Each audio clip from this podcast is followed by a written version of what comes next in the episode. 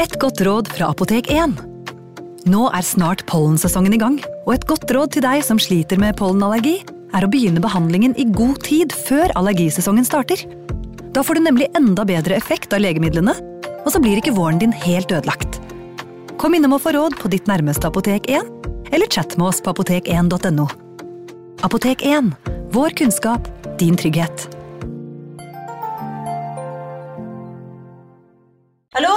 Jeg kommer fra Oslo politikammer. Ine Jansen er purk. Er du purk? The motherfucking bitch. Alt jeg vil, er å finne ut hva som skjedde med mannen min. Jon Carew. Er jeg sikta for noe? Iben Akeli. Det er du. Ole So, Lars Berrum og Big Daddy Karsten. Hvem sin side er du på, egentlig? Anette Hoff, Tone Danielsen, Kommer du fra Afrika? Jørnis Josef, Nesten. Kløfta. Trond Espen Seim, Det er synd å si det, men det var feil mann som døde. Purk. Premiere tirsdag på TV2 Play. Ungsamtalen fra DNB er økonomisk veiledning tilpasset deg som er ung. Bokk en ungsamtale på dnb.no. slash ung. Det er kjempebra hvis du skal inn på boligmarkedet, hvis det er drømmen din, liksom. Det er det du skulle sagt. Og så kunne du ropt litt mer, da, sånn som jeg gjorde. Bam! Advarsel.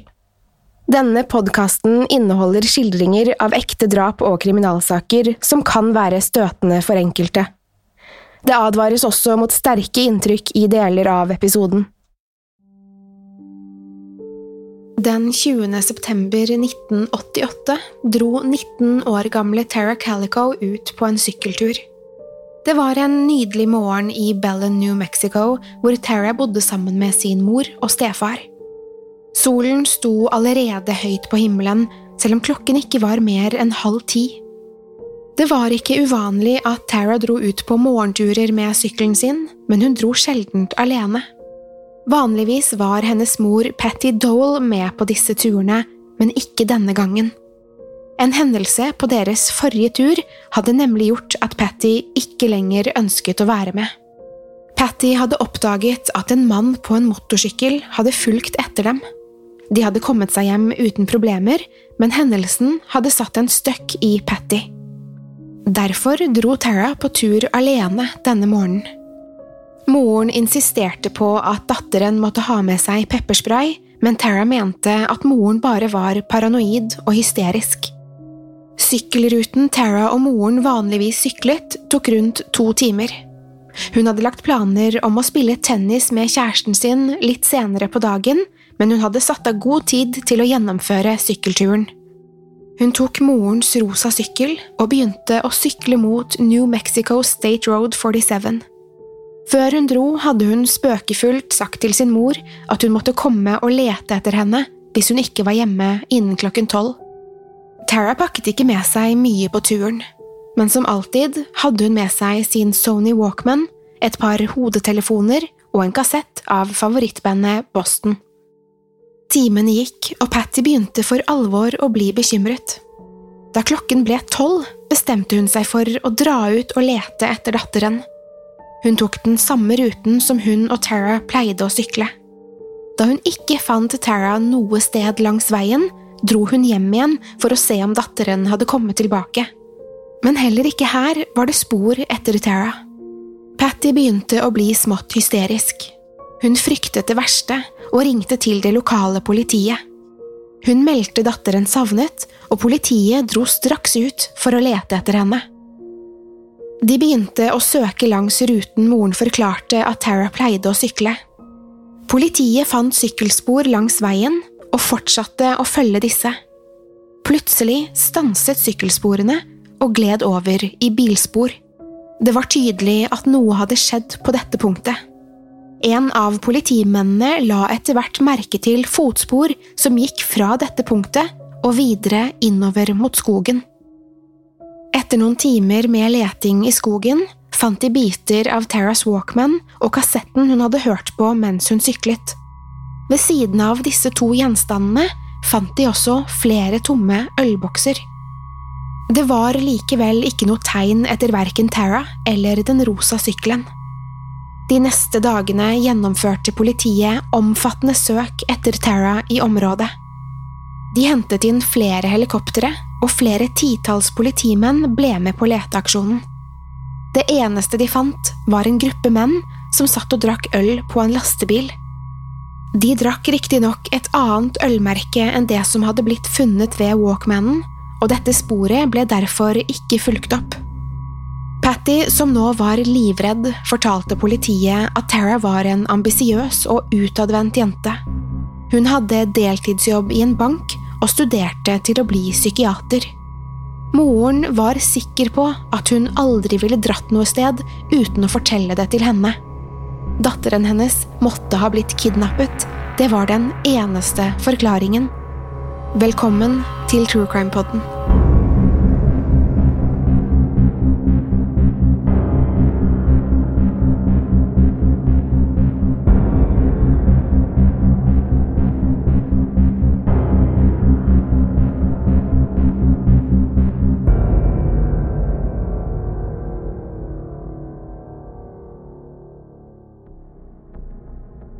Dette var begynnelsen på en av de mest beryktede forsvinningssakene i USAs historie. Politiet åpnet en etterforskning og mistenkte at det kunne være snakk om en kidnapping. De sendte ut en melding om at Tara var savnet, og de oppfordret potensielle vitner til å stå frem. Området der de hadde funnet Taras saker, var tross alt nokså trafikkert. De så det derfor som sannsynlig at noen kunne ha sett noe. Etter at politiet gikk ut med denne meldingen, tok det ikke lang tid før et vitne møtte opp på politistasjonen. Vitnet mente å ha sett en hvit, gammel pickup som hadde kjørt etter jenta på sykkelen. Flere andre mennesker hadde også lagt merke til den lyse pickupen som kjørte etter Tara. Likevel var det ingen som hadde sett selve bortføringen. Politiet var frustrerte. Hvis Tara virkelig hadde blitt kidnappet, hvordan var det mulig at ingen hadde sett det? De begynte å mistenke at Tara hadde stukket av fra moren og stefaren av egen fri vilje. Nok en gang måtte de svare på spørsmål om datterens livssituasjon. Politiet spurte flere ganger om Tara noen gang hadde snakket om å reise vekk, eller om hun nylig hadde endret atferd. Patty og stefaren John var begge frustrerte over at politiet kunne tro at Tara hadde rømt hjemmefra. De gjentok at Tara elsket livet, og at hun trivdes godt både hjemme og på skolen. Det var ingenting som tydet på at hun ønsket å dra fra New Mexico. Tiden gikk, men ingen nye spor etter Tara dukket opp. Hun var som sunket i jorden. Etter at det hadde gått flere måneder, begynte politiet Patty og John å miste håpet om at de skulle finne Tara i live. Samtidig var forsvinningen av Tara Calico blitt medienes favorittgåte. Det var derfor umulig for foreldrene å få fred. Ni måneder etter at Tara hadde forsvunnet, skjedde det noe som igjen blåste nytt liv i forsvinningssaken. Et mystisk polaroidbilde ble funnet på en bensinstasjon i Port St. Joe i Florida. Dette var 24 mil fra området Tara hadde forsvunnet. Bildet viste en jente og en liten gutt som lå i en varebil. De var fastbundet, og begge hadde teip klistret over munnen. Kvinnen som hadde funnet dette bildet, ringte straks til politiet. Hun fortalte at en hvit pickup hadde stått parkert der hun hadde funnet bildet. Føreren av bilen hadde vært en mann i 30-årene. Da politiet fikk denne informasjonen, bestemte de seg for å sette opp veisperringer i hele området. Veisperringene ga dessverre ikke noe resultat, og den hvite pickupen ble aldri observert igjen. Selv om politiets forsøk på å finne bilen mislyktes, fikk likevel bildet oppmerksomhet over hele nasjonen. Polaroidbildet ble nemlig vist på det populære TV-programmet America's Most Wanted. En av Pattys venninner fikk med seg dette og plukket opp telefonen. Hun ringte Patty og spurte om hun hadde sett bildet på nyhetene. Patty spurte hvorfor det angikk henne. Venninnen stoppet opp et øyeblikk før hun fortsatte. Jeg tror det er Tara. Kunne det virkelig være sant? Var datteren hennes fremdeles i live? Patty turte ikke håpe på noe, men hun kjente samtidig at hun ble oppspilt. Hun slo på TV-en, og det første hun fikk se, var bildet på nyhetene. Hun gikk helt inntil skjermen og stirret på jenta på bildet. Bildet var litt uklart, og store deler av ansiktet var teipet over. Patty var usikker. Jenta lignet unektelig på Tara, men var det virkelig henne? Jo lenger Patty stirret på bildet, jo sikrere ble hun. Det måtte være datteren. Tara hadde vært i en bilulykke da hun var liten, som etterlot henne med et kutt på låret. Jenta på bildet hadde et lyst arr som matchet perfekt. I tillegg la Patty merke til en bok av forfatteren V.C. Andrews på bildet. Dette var en av Terras yndlingsforfattere. Det var ikke noen tvil, mente Patty. Dette var Tara, bare litt eldre og uten sminke. Hun kastet seg over telefonen. Da politiet fikk høre om Pattys mistanke, undersøkte de polaroidbildet nærmere. De sammenlignet jenta på bildet med etterlystbildet av Tara. Politiet delte riktignok ikke Pattys skråsikkerhet.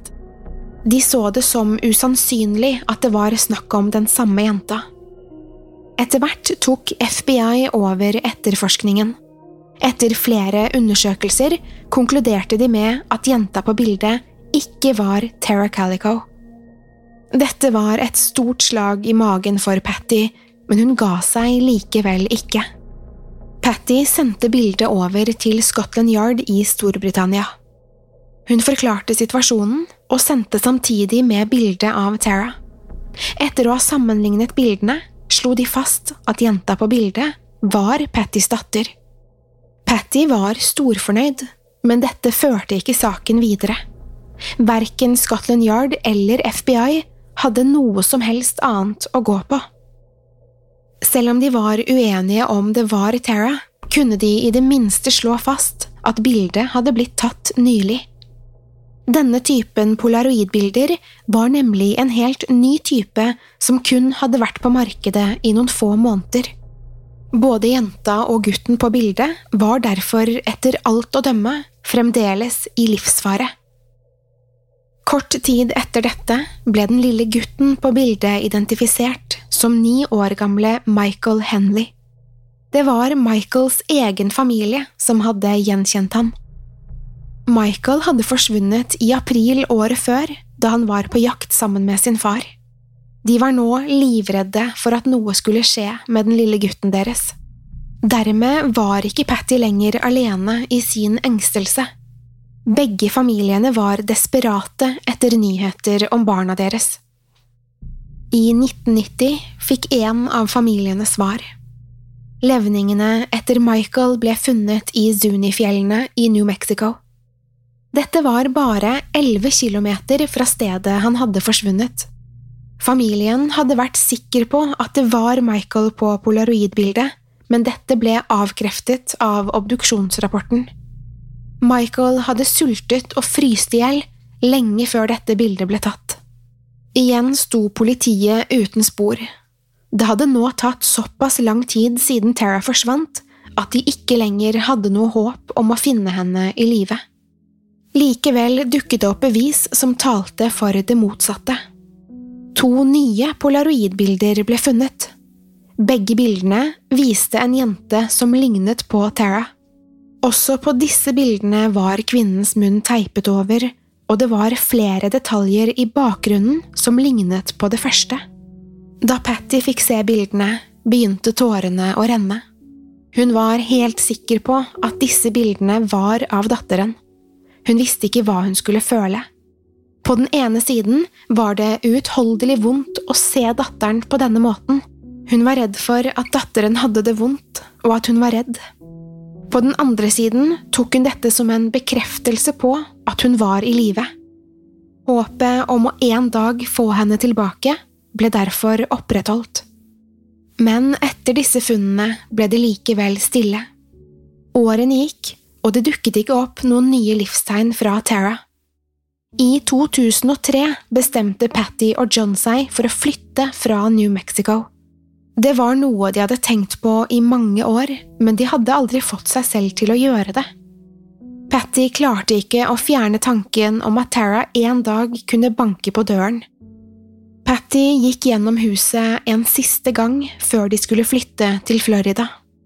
Hun gikk inn på det som hadde vært datterens soverom.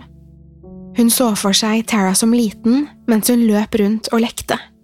Der de andre barna likte å være inne og tegne eller se på TV, ville Tara ut i skogen for å utforske. Tara hadde vært i konstant aktivitet siden hun var liten. Patty fikk tårer i øynene da hun tenkte på datterens eventyrlyst. Patty og datteren hadde et helt spesielt forhold, og de hadde delt alt med hverandre. Tara hadde flere ganger snakket om at hun en dag skulle reise verden rundt sammen med kjæresten sin, hun skulle bare fullføre studiene først. Tara hadde gledet seg så mye til å ta fatt på livet. Patty kjente på urettferdigheten i at hennes nydelige datter hadde blitt fratatt alle mulighetene hun hadde drømt om. Patty lukket forsiktig døren til datterens gamle soverom, gikk ned trappen og satte seg i bilen sammen med John. Over de neste årene prøvde Patty og John å komme seg videre. De hadde begge begynt å forsone seg med tanken på at de aldri ville få se Tara igjen. De ville sannsynligvis heller aldri få vite hva som skjedde med henne. Det hadde kommet inn mange hundre tips til politiet, men ingen av disse ledet noen vei. Det dukket opp spesielt mange tips etter at polaroidbildet ble vist til befolkningen. Hundrevis av mennesker hevdet at de hadde sett Tara i levende live på gatene i Florida. Til å begynne med hadde Patty ant håp hver gang et slikt tips kom inn til politiet, men etter hvert utviklet håpet seg til irritasjon. Ingen av tipsene ledet noen vei, og hun var sikker på at samtlige tips var falske. Hvis datteren på mirakuløst vis var i live, gikk hun i alle fall ikke ute på gaten. Det var hun helt sikker på. I 2008 skjedde det likevel noe som skulle gi Patty og John håp. I september dette året gikk plutselig politimannen René Rivera ut i nyhetene. Han hevdet at han visste hvem som sto bak kidnappingen av Tara. Han hadde hele tiden hatt en mistanke, men i årenes løp hadde teorien hans blitt bekreftet flere ganger, mente han. Da han ble spurt om hvorfor han ikke hadde arrestert de mistenkte, fortalte han at det aldri hadde vært grunnlag for noen arrestasjon. Kroppen til Tara hadde aldri blitt funnet, og det fantes dermed ikke noen bevis. Rivera var likevel sikker i sin sak. Han fortalte at det var snakk om to tenåringsgutter som hadde kjørt etter Tara. De hadde fått henne til å stoppe før de kidnappet henne. Da Tara truet med å ringe politiet, skal de ha drept henne i panikk. Hva de deretter gjorde med henne, hadde ikke Rivera noe svar på. Stefaren til Tara ble rasende da han fikk greie på dette. Han kunne ikke fatte at en politimann kunne stå frem med slik informasjon så mange år etter. Desto verre var det at han ikke aktet å frie navnet på de to mistenkte. Patty følte seg bare trist. Hun hadde endelig følt litt sjelefred knyttet til denne saken, men nå ble alle sår revet opp igjen. Rivera kontret Johns frustrasjon. Han fortalte at formålet med å stå frem nå var håpet om at de skyldige skulle melde seg frivillig. Det var riktignok ingen som sto frem og tilsto drapet på Tara. Først i 2013 dukket et nytt vitne opp i saken. Den nå voksne mannen Henry Brown oppsøkte politiet i New Mexico. Han fortalte at det gjaldt forsvinningen av Tara Calico. Politiet, som for lengst hadde lagt denne saken død, ble overrasket men gikk likevel med på å avhøre denne mannen. Det Brown fortalte, sjokkerte dem. Brown begynte å fortelle at han på slutten av 80-tallet hadde pleid å henge med en gjeng ungdommer i New Mexico-området. Guttegjengen hadde bestått av småkriminelle, og de pleide å henge rundt og gjøre hærverk. Gjengens leder hadde vært Lawrence Romero jr., sønnen til daværende politisjef Lawrence Romero. Romero hadde vært beryktet i miljøet. Han solgte dop og ble sett på som en bråkmaker. Han var også kjent for å være interessert i Tara Calico. Ved flere anledninger skal han ha sagt at han ønsket å bli sammen med henne, men at dette ikke var mulig fordi hun allerede hadde en kjæreste. Ved en anledning hadde Brown vært på fest med disse guttene, og da hadde han kommet i prat med Romero. Romero hadde begynt å skryte av noe han og kompisene nettopp hadde gjort. Bare noen dager i forveien hadde de fått øye på Tara på den rosa sykkelen. De fulgte etter henne en stund før de begynte å dytte borti sykkelen hennes med bilen. Til slutt hadde hun mistet kontrollen på sykkelen og kjørt av veien. De hadde deretter grepet tak i henne. Sammen hadde de voldtatt og drept henne. Romero fortalte at de først hadde kastet liket i en busk, men da de hørte at politiet var på leting, hadde de dumpet henne i en innsjø. Brown kunne ikke huske hvilken innsjø det var snakk om. Dette var sjokkerende nyheter for politiet. Dette var nærmest å regne som en tilståelse. Brown fortalte at han selv ikke hadde vært med på overfallet, men at han, i frykt for å bli innblandet, ikke hadde turt å stå fram før nå. Det var likevel et problem som gjorde det vanskelig å ta saken videre. Alle de anklagede var allerede døde. Romero hadde tatt sitt eget liv bare noen år tidligere. Disse påstandene ble derfor ikke etterforsket videre. Sett i ettertid har denne informasjonen blitt sett på som svært mistenkelig. Flere har pekt på at hele denne saken kan være en dekkoperasjon fra politiets side for å skåne politisjefens sønn. Dette forblir spekulasjon, men det hadde forklart hvorfor politiet ikke allerede den gangen handlet på Riveras mistanke. Det var likevel noe som skurret med Browns forklaring. Hvis det stemte at Tara ble drept av Romero og vennene hans, hvem var da kvinnen på polaroidbildet? Scotland Yarn hadde vært helt sikker i sin sak da de identifiserte kvinnen på bildet som Tara. Og hvem var egentlig mannen som ble observert i den hvite pickupen på bensinstasjonen i Port St. Joe? En annen populær teori om hva som skjedde med Tara, var at hun ble plukket opp av en seriekidnapper. Det finnes flere tusen åpne saker om barn som har forsvunnet i USA, og det er ikke utenkelig at en og samme mann kan ha kidnappet flere av dem. Mange mener at Terras kidnapper i denne perioden kidnappet flere unge mennesker. Dette ville ha forklart de mystiske polaroidbildene som dukket opp med jevne mellomrom på slutten av 80-tallet og på starten av 90-tallet. Dette er bare en av tusen forskjellige teorier om hva som skjedde med Tara i 1988. Hvilke teorier som stemmer, vet vi ikke. Det eneste som er sikkert, er at forsvinningen av Tara preget Patty og John resten av livet deres. Begge to jobbet utover 2000-tallet med å følge opp nye spor i saken, men ingen av disse sporene ledet til en oppklaring. Etter mange år med sorg og desperat søken etter datteren, fikk Patty til slutt hjerneslag. Hun ble flyttet til et sykehjem og hver eneste dag satt hun ved soveromsvinduet sitt og stirret ut på gaten. Da pleieren spurte henne hvorfor hun satt der alene, svarte hun at hun så etter datteren.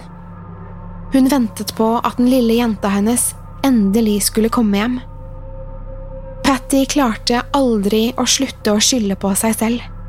Hva om hun bare hadde blitt med på sykkelturen slik hun pleide? Hvordan ville livet sett ut da? Dette var spørsmål Patty hadde slitt med helt siden dagen Tara forsvant. Tragisk nok døde Patty på sykehjemmet uten å noensinne få vite hva som skjedde med Tara. Da Patty døde, bestemte Taras lillesøster Michelle seg for å selv prøve å finne søsteren. Hun tok kontakt med Melinda, som hadde vært Taras beste venninne. Sammen dro de tilbake til New Mexico for å besøke den gamle vennegjengen til Tara.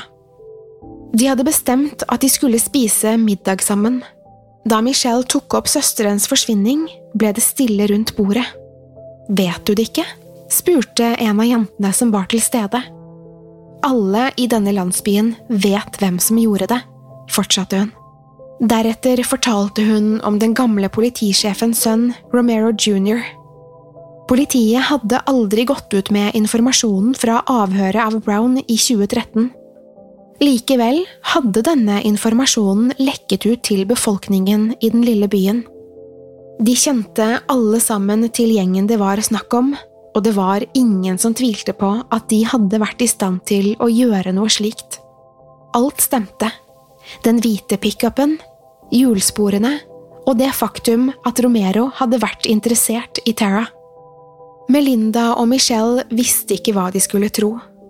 De ble sjokkert over denne informasjonen, men klarte likevel ikke å slå seg til ro med at dette var den hele og fulle sannheten. De, som mange andre, trodde fremdeles at det var Tara som var avbildet på polaroidbildene.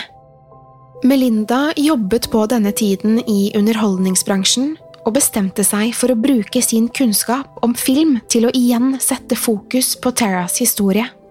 Hun lagde dermed dokumentaren Vanished – The Tara Calico Investigation, som i dag har over en million nedlastninger. I tillegg opprettet Michelle og Melinda en Facebook-side der de ba om å få tips fra medlemmene. Gruppen har den dag i dag flere tusen følgere, og de får stadig inn nye tips i saken. Begge jentene er realistiske i sitt søk etter Tara og har liten tro på at de noensinne vil finne henne i live. Likevel er håpet at de en dag skal få vite hva som hendte med henne. Med dette kan de kanskje få kroppen hennes tilbake slik at de kan gi henne en verdig begravelse. De ønsker også at de som står bak, en dag skal få sin straff. Få forsvinningssaker i USAs historie har fått mer oppmerksomhet enn forsvinningen av Tara Calico. Nye konspirasjonsteorier dukker stadig opp, og forklaringen på hva som skjedde med henne, blir villere og villere. Likevel er man ikke noe nærmere å komme til bunns i saken enn man var i 1988.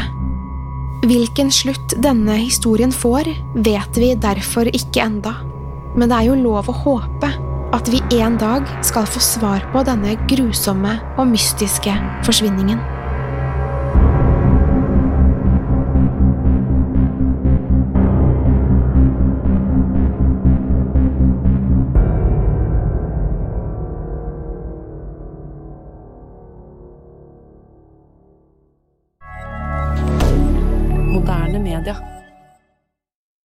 Har du et enkeltpersonforetak eller en liten bedrift? Da er du sikkert lei av å høre meg snakke om hvor enkelt det er med kvitteringer og bilag i fiken, så vi eh, gir oss her, vi. Fordi vi liker enkelt. Fiken superenkelt regnskap. Hei! Takk for at du lytter til True Crime Poden. Skulle du ønske at du kunne høre en ny episode av denne podkasten hver eneste uke? Vel, da er det bare å laste ned podkastappen Untold med en gang. I tillegg til ukentlige episoder av podkaster som Skrekkpodden, Synderne og Henrettelsespodden, får du masse annet reklamefritt og eksklusivt innhold. Last ned Untold i AppStore eller Google Play, og start din 30 dagers prøveperiode i dag.